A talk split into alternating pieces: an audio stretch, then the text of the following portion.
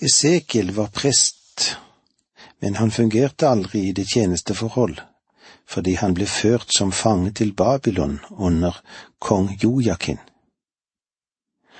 Han eh, var konge Juda etter Jojakim.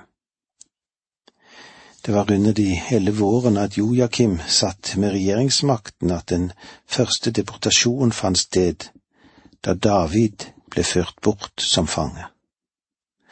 Deretter så kom Jojakin på tronen, og regjerte bare noen få måneder. I år 597 før Kristus fant den andre fangetransporten sted, og da ble Esekiel tatt med som fange. Esekiel var samtidig med Jeremia og Daniel. På denne tiden så var Jeremia en gammel mann. Han hadde begynt sin tjeneste som tyveåring under kong Josias regjering. Han hadde blitt værende sammen med den rest som ble tilbake i landet, og han ble, mot sin egen vilje, ført med da denne gruppen dro ned til Egypt og derfor ble hans tjeneste knyttet sammen med Israels rest som var i Egypt.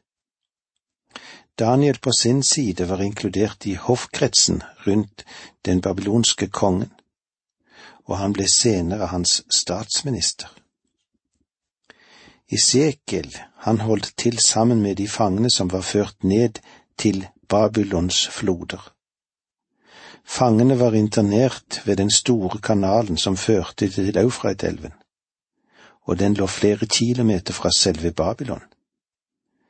Esekiels tjeneste foregikk blant kanalfolket. Salme 137 er salmen om folkegruppen i Babylon. I Salme 137, de to første versene, leser vi Ved Babylons elver satt vi og gråt når vi tenkte på Sion. På piletrærne der i landet lot vi harpene våre henge. Men på samme tid så skriver altså Esekiel. Himmelen åpnet seg, og jeg fikk se synet fra Gud, som det står i Esekiel 1.1. Hvilken kontrast! Mens disse fangene allerede hadde hengt harpene på piletrærne og satt og gråt, så fanget Esekiel inn synet fra Gud, åpenbaringer av en helt ekstraordinær karakter. Budskapet til Esekiel Jeremia, Esekiel og Daniel var alle profeter, men hver av dem hadde en spesiell tjeneste som var til en bestemt gruppe mennesker, og det er lite som taler for at de noensinne kom i kontakt med hverandre. Fra det som sies i Danielsboken kan vi ikke slutte at Daniel noen gang besøkte sitt folk i Babylon, der Esekiel var. Men likevel hadde han stor omsorg for dem, og han forsvarte dem. Men det er mulig at Daniel og Jeremia kjente hverandre. Vel, vi vet jo fra Daniels bok at han var kjent med profetiene til Jeremia. Vi kan bare tenke oss at da han var en ung mann i tenårene, så lyttet han til Jeremia i Jerusalem. Esekiel var også en ung mann da han ble tatt til fange, og det kan være sannsynlig at han også hadde hørt Jeremia, men ikke hadde noe kunnskap om Daniel. Esekiels budskap er det mest åndelige blant profetbudskapene, fordi han hovedsakelig holdt seg ved Guds person. Noen har sagt Esekiel er åndens profet, som Jesaja er sønnens profet, og Jeremia er faderens profet. Under de første fangenskapsårene fortsatte de falske profetene fremdeles å si at folket snart skulle vende tilbake til Jerusalem og at byen ikke ville bli ødelagt. Byen var fremdeles intakt, så etter den andre deportasjonen. Det var ikke før omkring år 586 før Kristus at Nebukadneser kringsatte byen for tredje gang og inntok den, brente den og ødela den fullstendig.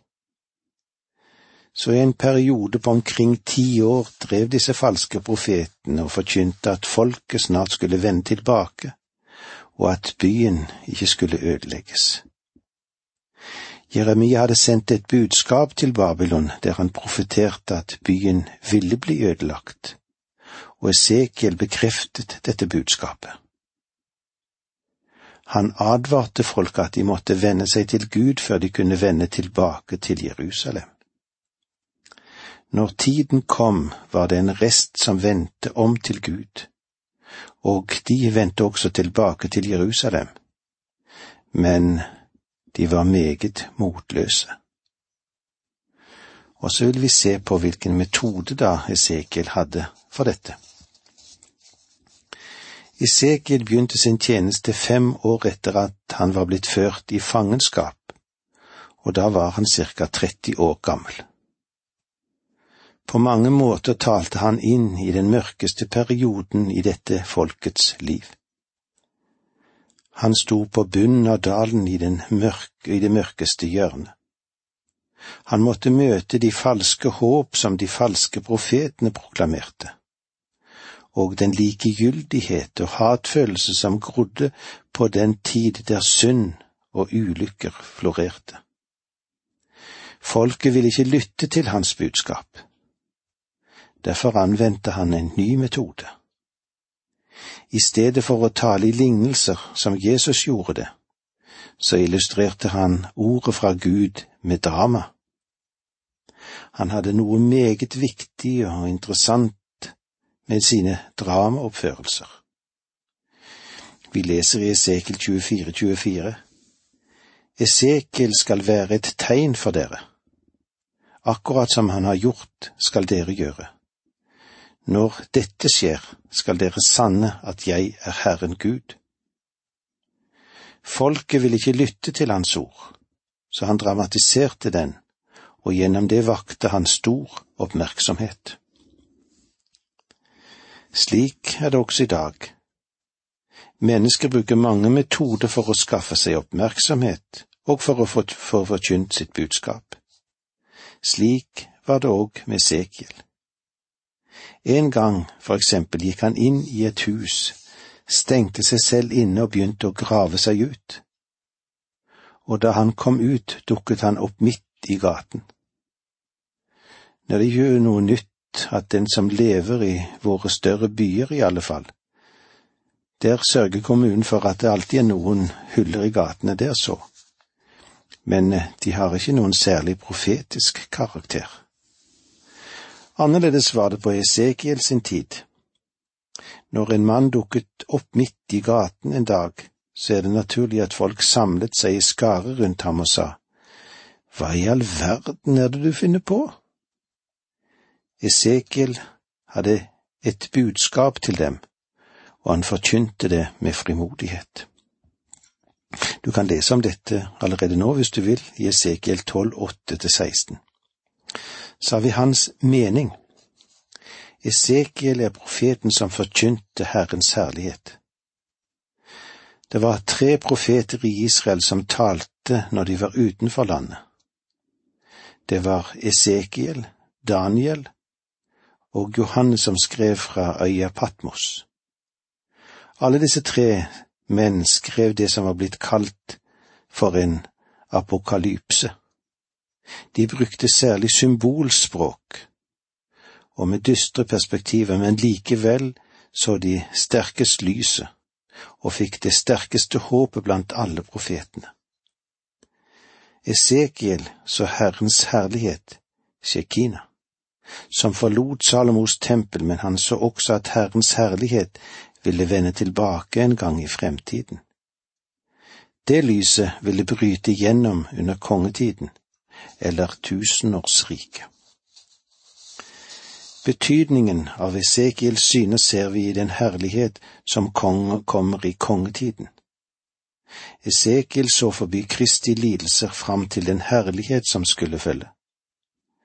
Det var det Peter sa om profetene også når de så lidelsen, og de så også herligheten som fulgte etter dem og jeg tror at Esekiel så dette bedre enn noen annen av de andre profetene. Det var dette vi fikk med oss i dag, i det vi kan kalle for introduksjon. Når vi møtes igjen neste gang, vil vi se litt på innholdsfortegnelse over profeten Esekiel og gå inn i det første kapitlet. Takk for nå, må Gud være med deg. Dette undervisningsprogrammet består av to deler. Åge Nevland fortsetter nå med andre del av dagens undervisning. Vi er i Det gamle testamentet. Vi møter profeten Esekiel. Og eh, vi vil se litt på innholdsfortegnelsen før vi går i gang med det første kapitlet.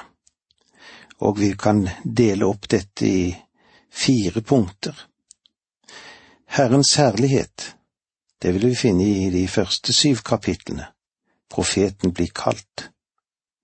Den andre delen som vi vil komme inn med, er Herrens herlighet. Jerusalem og Israel blir fullstendig hertatt. Herligheten løftes bort, finner vi i kapitlene 8 til 24. Og så har vi Herrens herlighet, folkeslagene dømmes, som vi finner i kapitlene 25 til 32. Og så har vi Herrens herlighet, og det kommende riket i kapitlene 33 til 48. I det første kapitlet vil vi se litt på Herrens herlighet åpenbart. Esekiels syn av Herrens herlighet kan egentlig fungere som en nøkkel til alle visjonene i hele Guds ord. Det er i alle fall en nøkkel til resten av Esekiels bok. Mange mennesker tenker seg at åpenbaringsboken hviler på Danielsprofetiene og den talen som Herren holdt på Oljeberget. Det er sikkert sant, men jeg tror at åpenbaringsboken primært hviler på Esekiels apokalypse.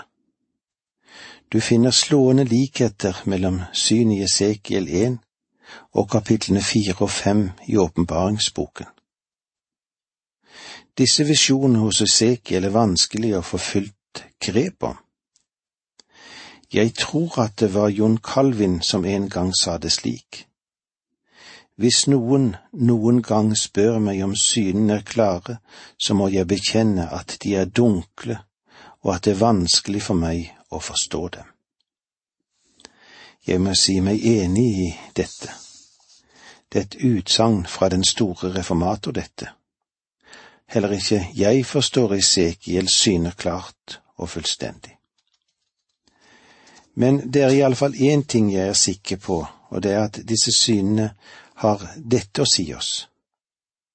Det er ikke syner som angår den nåværende mekaniske tidsalder. Esekiels syn om jul inni jul er ikke en profeti om flyet. Da de gamle profellflyene i sin tid ble utviklet, så var det mange profetiske forkynnere som sa at dette synet var en profeti om flyet. I dag har vi jetfly, og de har ingen hjul inni hjulene, så vi må skyve til side den tolkningen. Slike tolkninger er barnslige og umodne. Slike utrolige tolkninger har ført til det profetiske budskap, det har blitt ført i vanry. Det vi egentlig har i det første kapitlet hos profeten er, tror jeg da, en visjon av Herrens herlighet. I Jesaja-boken har vi prinsippet om Guds trone. Hos profeten Jeremia møter vi denne tronens praksis, men hos Esekiel møter vi personen som sitter på tronen. Og jeg må skynde meg å legge til at vi ikke finner at Gud selv er åpenbart i synet. Du møter ham ikke i utstillingsvinduet.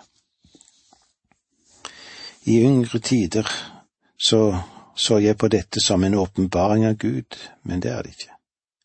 I stedet ba jeg om et syn om Guds herlighet, et syn som går på spørsmålet om Guds nærvær. Vi møter her en visjon av Guds vogn når han kjører triumferende og uimotståelig gjennom tidene. Det er en side av dette synet som sjokkerte meg da jeg oppdaget det. Oppdaget det. Vognen er tom, Jeg hadde tatt for gitt at Gud satt i den. Det er fire levende vesener, kjerubene knyttet til denne vogn, og likevel er de adskilt fra dem. Fremfor alt er det en trone, og på denne tronen er det én mann. Dette er den høyeste åpenbaring av Gud vi har fått, og den er vanskelig å forstå. Vi vil her bare ta for oss noen få av de sterke sidene vi møter. I det første verset i Esekiel 1 leser vi slik. I det trettiende året, på den femte dagen i den fjerde måneden, mens jeg var blant de bortførte ved Kebar-elven, skjedde det at himmelen åpnet seg, og jeg fikk se syner fra Gud.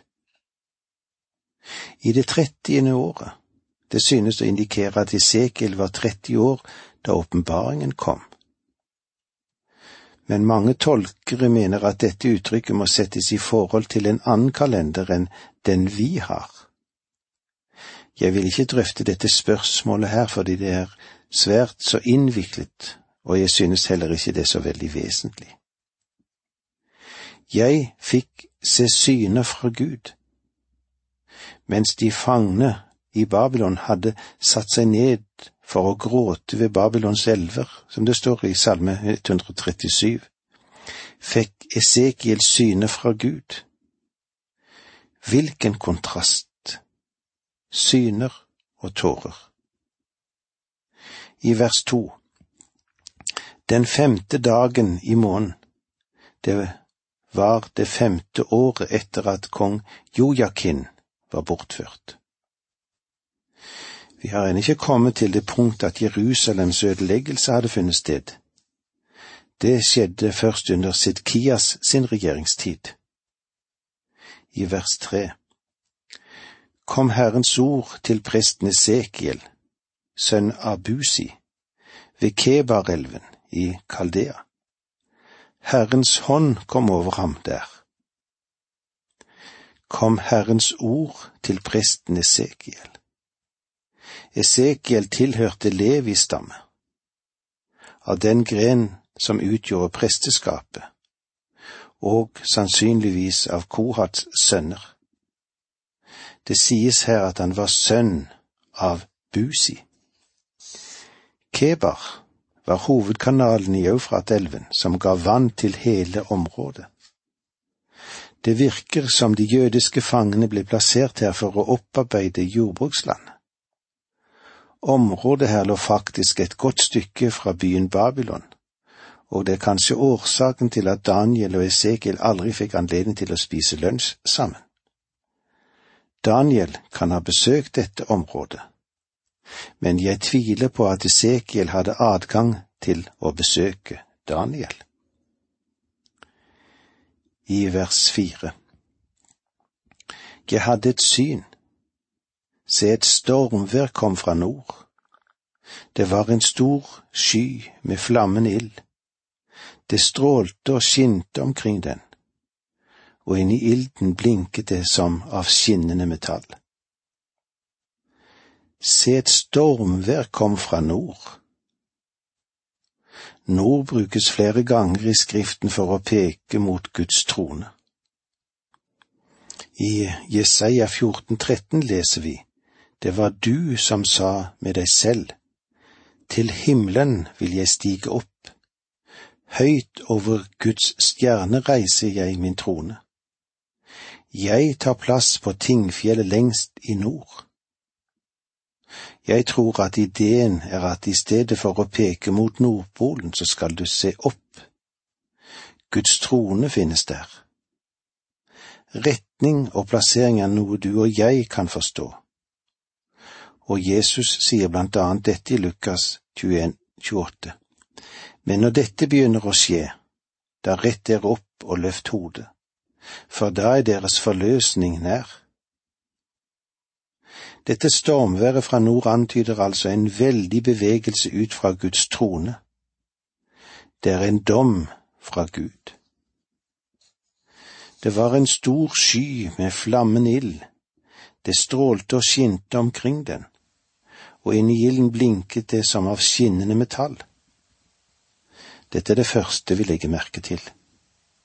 Et lys som glimter til, åpenbarer og beseiler. Det er uforståelig, og likevel føres det frem der det kan bli sett et lys mer strålende enn solen. Kanskje det kan sammenlignes med sentrum i en atomeksplosjon. Det Guds ord sier oss er at vår Gud er en fortærende ild, Hebrevbrevet 12,29, og at Gud er lys i 1. Johannes 1,5. Paulus sa da han møtte Kristus og fikk se sin omvendelse, så sa han det, et lys fra himmelen, klarere enn solen. Apostelens gjerninger 26,13. Alt dette taler om Guds ubeskrivelige nærvær. Og Dette kan du òg se i versene 13 og 14. Vers 5 her i første Esekiel. Midt i ilden viste det seg like som fire skikkelser, som så slik ut, de hadde utseende som mennesker. Dette verset, og også vers 26, som et menneske å se til, taler om Kristi inkarnasjon. Det faktum at Gud ble menneske, og ordet ble kjød og tok bolig blant oss hvor fagert det er når den som bringer gledesbud, kommer løpende over fjell, melder fred og bærer godt budskap, forkynner frelse og sier til Sion, Din Gud er konge. Gud kom til jorden som et menneske, vandret på Israels støvete veier, og til sist ble naglet, drevet inn i disse føttene. Det var det vi fikk med oss i dag. Takk for nå, må Gud være med deg.